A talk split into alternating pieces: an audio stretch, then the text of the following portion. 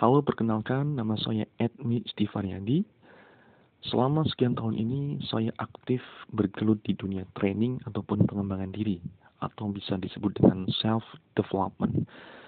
Tapi karena adanya pandemi, semua itu beralih saya kerjakan melalui webinar ataupun secara online.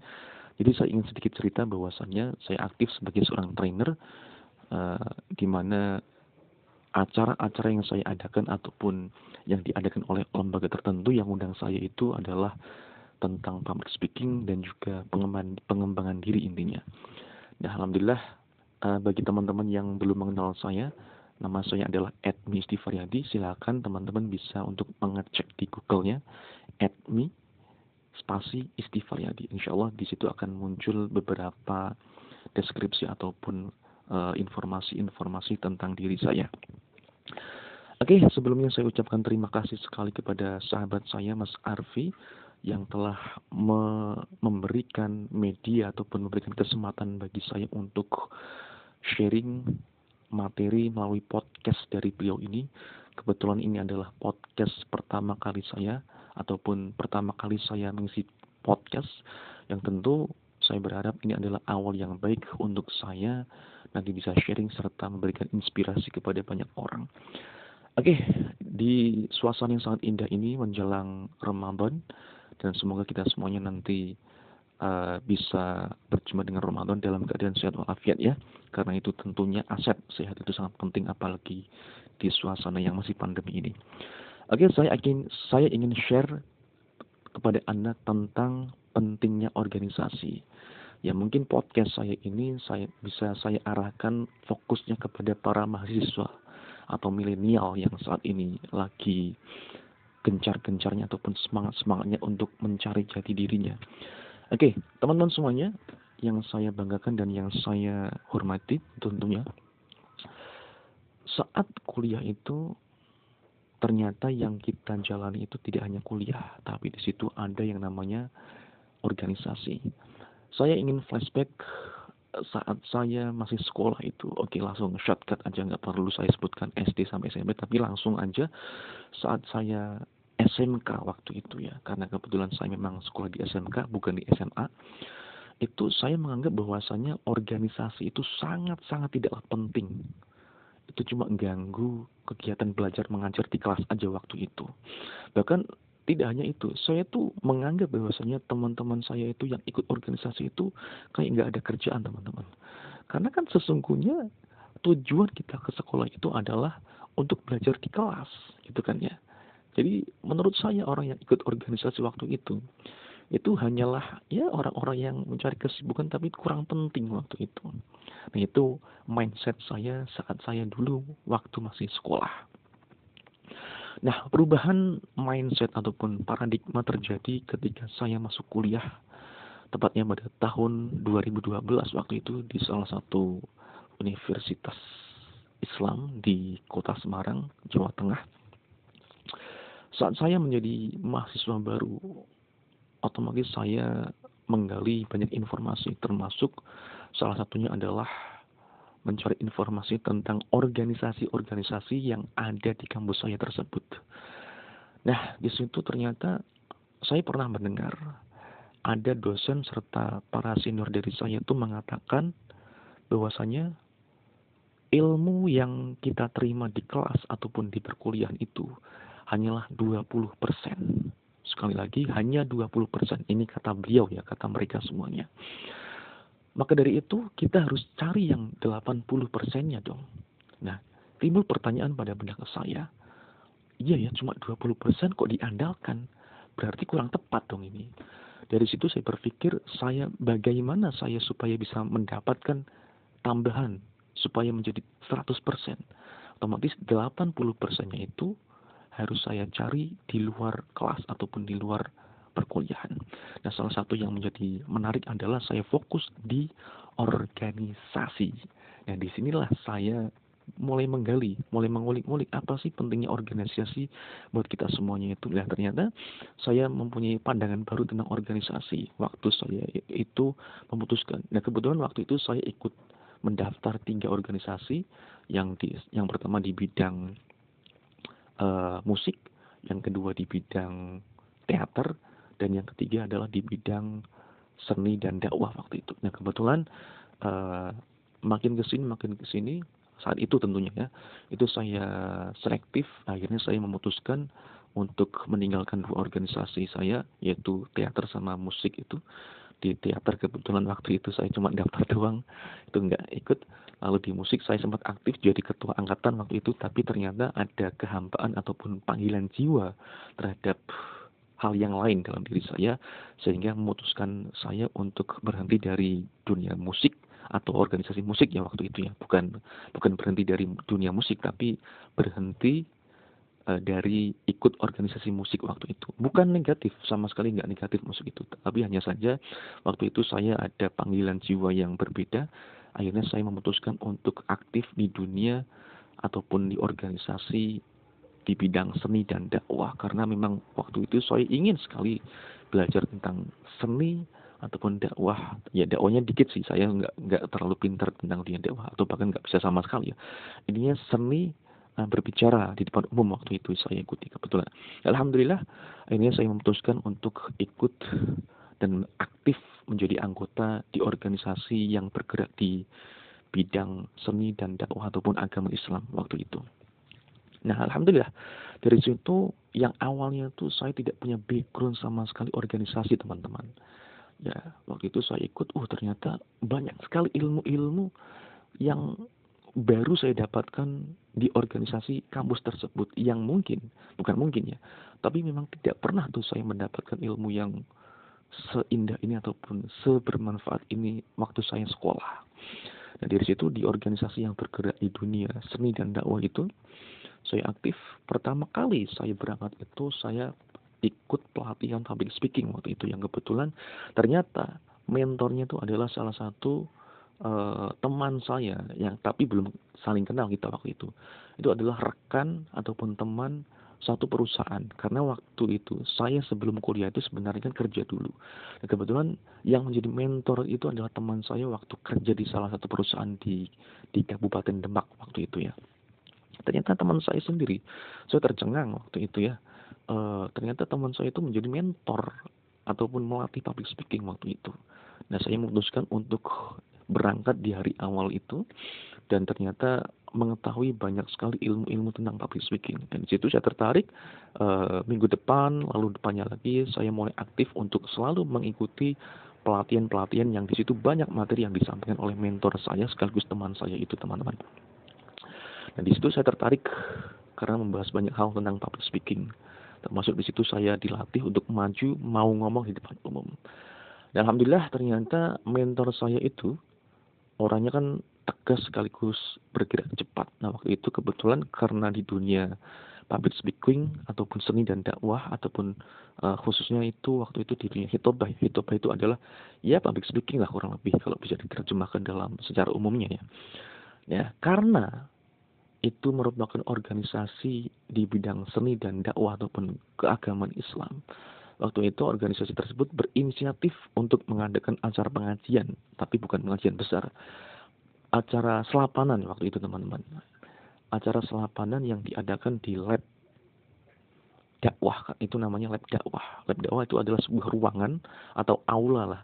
Aula yang itu digunakan untuk kegiatan-kegiatan mahasiswa ataupun pertemuan-pertemuan yang entah itu mahasiswa maupun dosen itu biasanya di situ ya bisa di ya, adikan diagendakan untuk seminar pengajian dan lain sebagainya lah pokoknya yang sejenisnya dan di situ kebetulan ternyata meskipun saya baru menjadi anggota dan itu kami semuanya diarahkan untuk mengurus acara tersebut sehingga kami jadi panitia tapi subhanallahnya atau uniknya, saya dipercaya langsung dan ditunjuk untuk menjadi ketua panitia selapanan. Mungkin acara ini acara yang biasa aja, acara yang kecil sekali. Tapi bagi saya yang tidak mempunyai latar belakang organisasi, yang dulu menganggap bahwasanya organisasi itu amatlah tidak penting, buang-buang waktu aja. Tentu ini sebuah pengalaman yang baru bagi saya tentunya teman-teman ya. Dan waktu itu saya untuk pertama kalinya saya berpidato sebagai ketua panitia di hadapan para mahasiswa.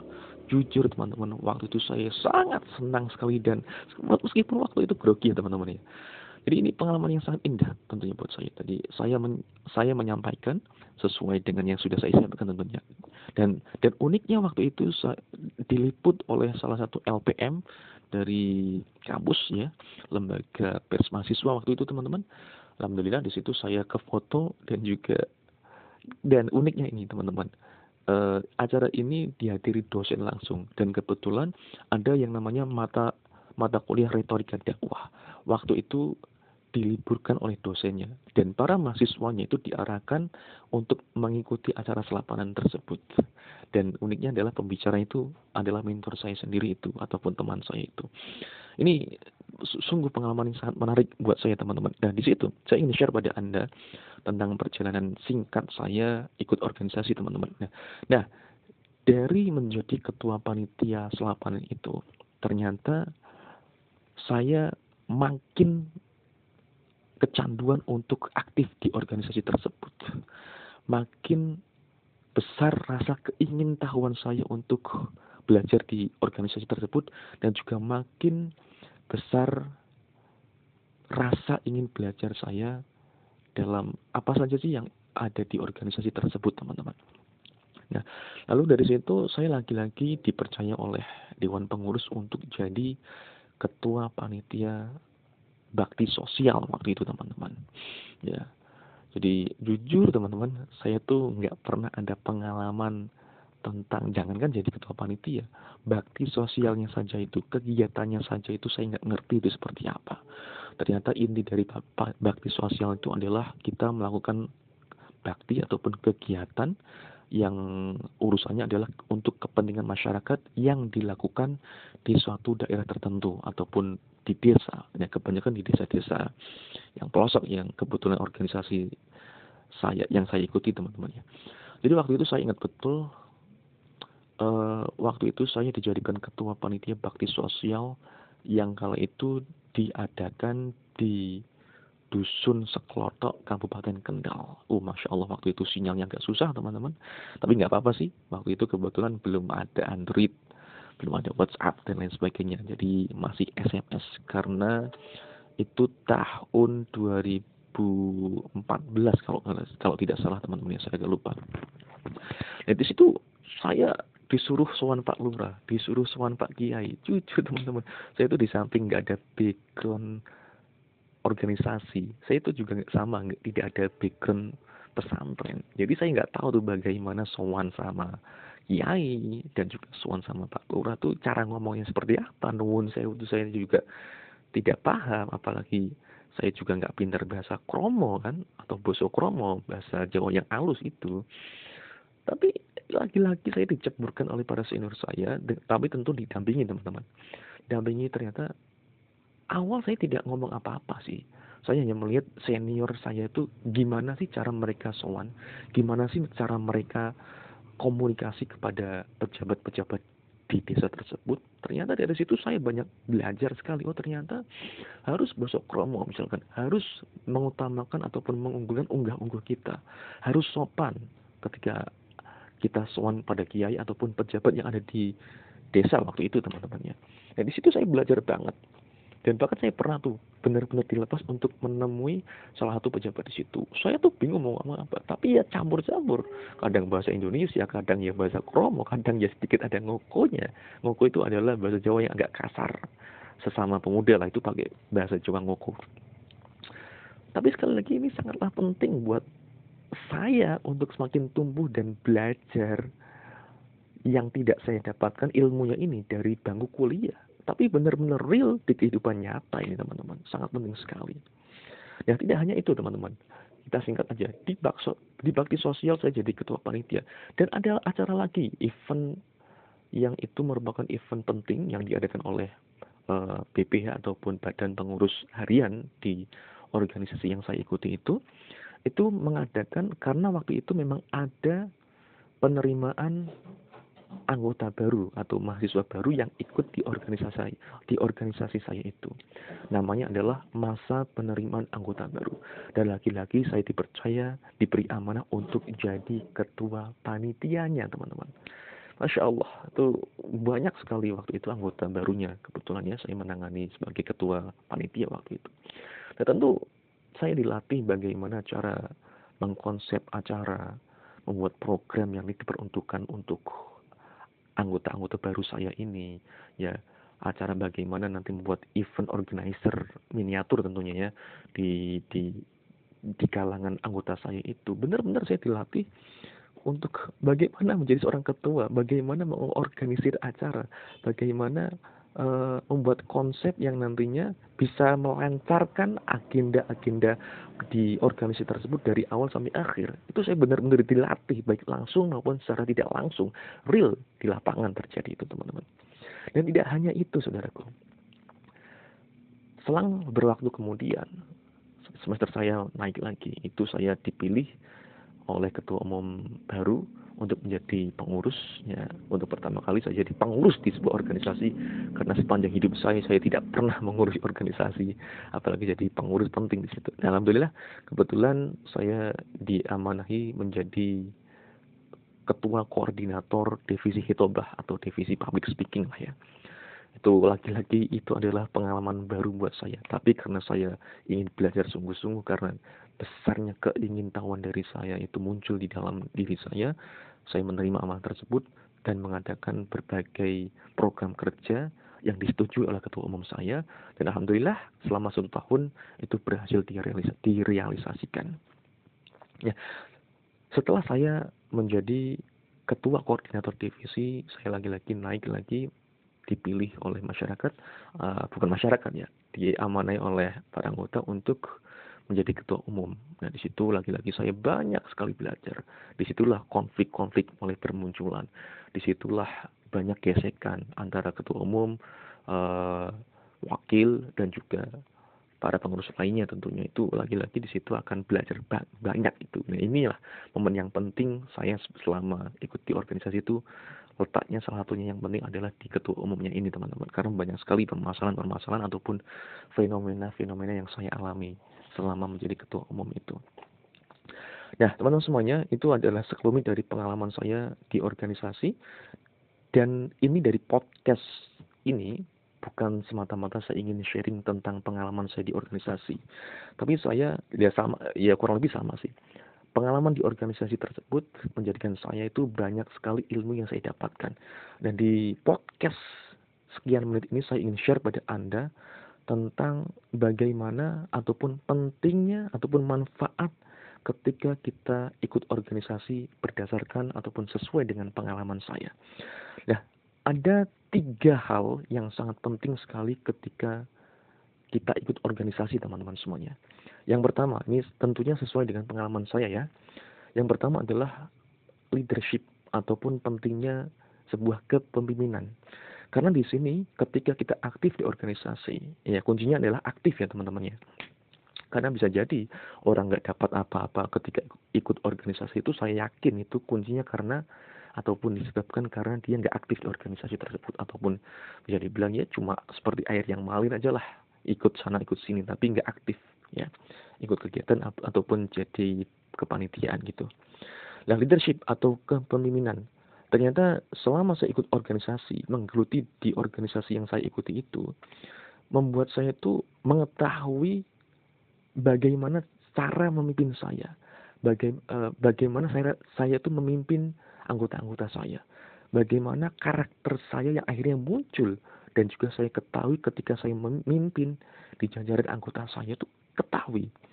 Karena kita ketahui itu banyak sekali model-model pemimpin kan ada pemimpin yang tegas, ada yang keras, bahkan ada yang otoriter, ada yang lemah lembut, ada yang baperan, ada yang kalem, dan lain sebagainya. Banyak sekali karakter uh, yang pemimpin uh, di negara ini bahkan ya. Ada seperti yang saya sebutkan tadi. Ya kebetulan saya ini ternyata ketika ikut organisasi tersebut mulai ketahuan setelah saya mengevaluasi diri, oh saya bukanlah orang yang otoriter, tidak pantas saya, saya itu nggak nggak pinter, nggak pinter marah-marah, nggak pinter membuat aturan yang terlalu saklek itu nggak kurang pinter teman-teman. Sama dengan manajemen itu saya kurang pinter juga. Ya ternyata ternyata saya mengetahui, mengevaluasi diri saya ternyata tuh salah satu keunggulan di bagian leadership saya itu adalah saya senang ataupun punya keunggulan menurut saya tentunya ya, punya keunggulan di bagian konsep ya ataupun membuat konsep bisa dibilang adalah seorang konseptor. Nah ini bisa dibuktikan ketika saya melihat waktu itu di organisasi saya itu kurangnya pengurus. Maka dari itu saya membuat konsep unik ataupun oh iya ini manajemennya kurang bagus di situ akhirnya saya membuat ada ketua satu dan uh, ketua dua tentunya teman-teman. Nah itu untuk apa? Untuk memperkuat organisasi saya itu yang saya pimpin tentunya. Dan di samping itu waktu itu saya juga menambah empat departemen karena waktu itu hanya ada beberapa yang itu kurang kuat di organisasi saya sehingga saya harus memutuskan untuk membuat empat departemen baru yang intinya adalah untuk memperbaiki sistem serta manajemen di organisasi saya tersebut. Nah ini semuanya ternyata alhamdulillah hingga detik ini tahun 2021 ini masih ada dan masih dijalankan makin di sini makin sini makin membaik teman-teman. Tentu ini sangat unik. Nah di situ saya akhirnya mengetahui tentang oh iya karakter saya itu ternyata saya itu senang keunikan kreativitas. Ya termasuk di organisasi tersebut saya itu membuat menciptakan lagu yang bisa dibilang namanya adalah himne dan march. Yang alhamdulillah setiap ada event-event besar lagu mars ataupun himne tersebut dinyanyikan di hadapan banyak orang tentu saya sangat bahagia sekali dan di situ benar-benar saya bahagia dan senang happy karena saya menemukan karakter dari kepemimpinan saya itu seperti apa. Salah satu satu salah satunya adalah konsepting ataupun konseptor. Dan yang kedua, pentingnya organisasi buat kita semuanya. Yang kedua adalah kita akan punya skill memecahkan masalah.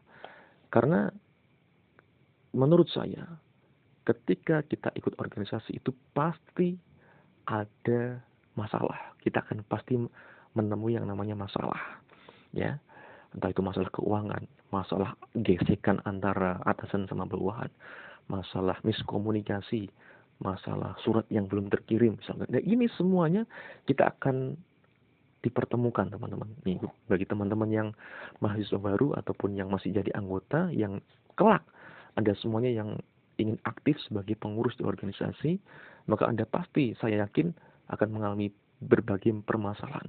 Tapi saya ingin ngomong bahwasanya justru permasalahan itu bukan untuk mengecilkan kita, bukan untuk membuat kita pesimis, bukan untuk membuat kita itu nggak ada apa-apanya. Justru dengan adanya masalah di organisasi tersebut, kita akan banyak belajar bagaimana cara manajemen masalah dan sekaligus bagaimana memecahkan masalah tersebut sehingga tercipta sebuah solusi untuk menanggulangi permasalahan yang terjadi di organisasi itu. Nah, tentu ini semuanya. Misalkan nih, saya dulu uh, punya masalah itu bagian keuangan. Ternyata dana dari fakultas itu kurang, teman-teman. Ya. Dan dana sponsor waktu itu sponsor masih dikit, belum belum segede ini organisasi saat ini ya. Waktu itu masih dikit sekali sehingga nggak bisa kalau mengandalkan dari sponsor dan juga dana dari fakultas. Nah, saya berpikir bagaimana nih untuk memecahkan masalah ataupun memberikan solusi padahal dana yang kita butuhkan itu besar sekali, jutaan rupiah, tapi dana yang kita punya hanya sedikit. Dari situ akhirnya saya memecahkan masalah yang saya musyawarah dengan para pengurus saya itu sehingga ternyata salah satu idenya adalah kita meminta donasi ya meminta donasi dari para senior ataupun alumni-alumni dari organisasi yang sedang berkecimpung yang saya di dalamnya menggeluti itu teman-teman. Ya, Alhamdulillah walaupun tidak begitu banyak setidaknya dana yang saya ajukan kepada para donatur baik alumni maupun uh, yang masih mahasiswa itu ya tentunya masih berafiliasi dengan organisasi organisasi saya itu uh, alhamdulillah terkumpul lumayan banyak sehingga acara bisa terlaksana dengan sangat baik sekali. Nah tentu ini sangat penting akan melatih skill kita dalam memberikan keputusan ataupun memecahkan masalah dengan alternatif-alternatif solusi yang akan muncul di pikiran kita ketika menghadapi masalah-masalah yang tentunya semakin ke sini akan kompleks dan berbeda ketika Anda hidup di era tahun 2021 ini. Yang ketiga, yang ketiga adalah adanya pertumbuhan mental. Nah, sebenarnya ngomong tentang leadership, ngomong tentang pemecahan masalah itu nggak jauh-jauh bagaimana kita akan menghadapi tekanan mental tapi tekanan mental di sini sebenarnya adalah positif. Ketika kita menghadapi masalah, ketika mau tidak mau karakter kita akan muncul di situ. Di situlah kita akan mengalami pertumbuhan mental. Nah, sabar nggak kita tuh menghadapi masalah, ya. Terus kita tegas nggak atas ketidakadilan misalkan. Terus kita cerdas nggak dalam mengelola keuangan, mengelola administrasi, mengkoordinir, mengkoordinasi anggota kita, kita cerdas apa enggak? Dari situlah pertumbuhan kita main akan akan tumbuh. Tentunya harus belajar. Makin belajar, makin belajar, makin terbiasa menghadapi masalah, makin tumbuhlah kedewasaan kita atau makin tumbuhlah mental kita. Saya pernah membuktikan. Saya punya teman waktu itu masih semester awal, teman-teman itu waktu itu dia tuh masih kekanak-kanakan lah bisa dibilang karena ma masih maba.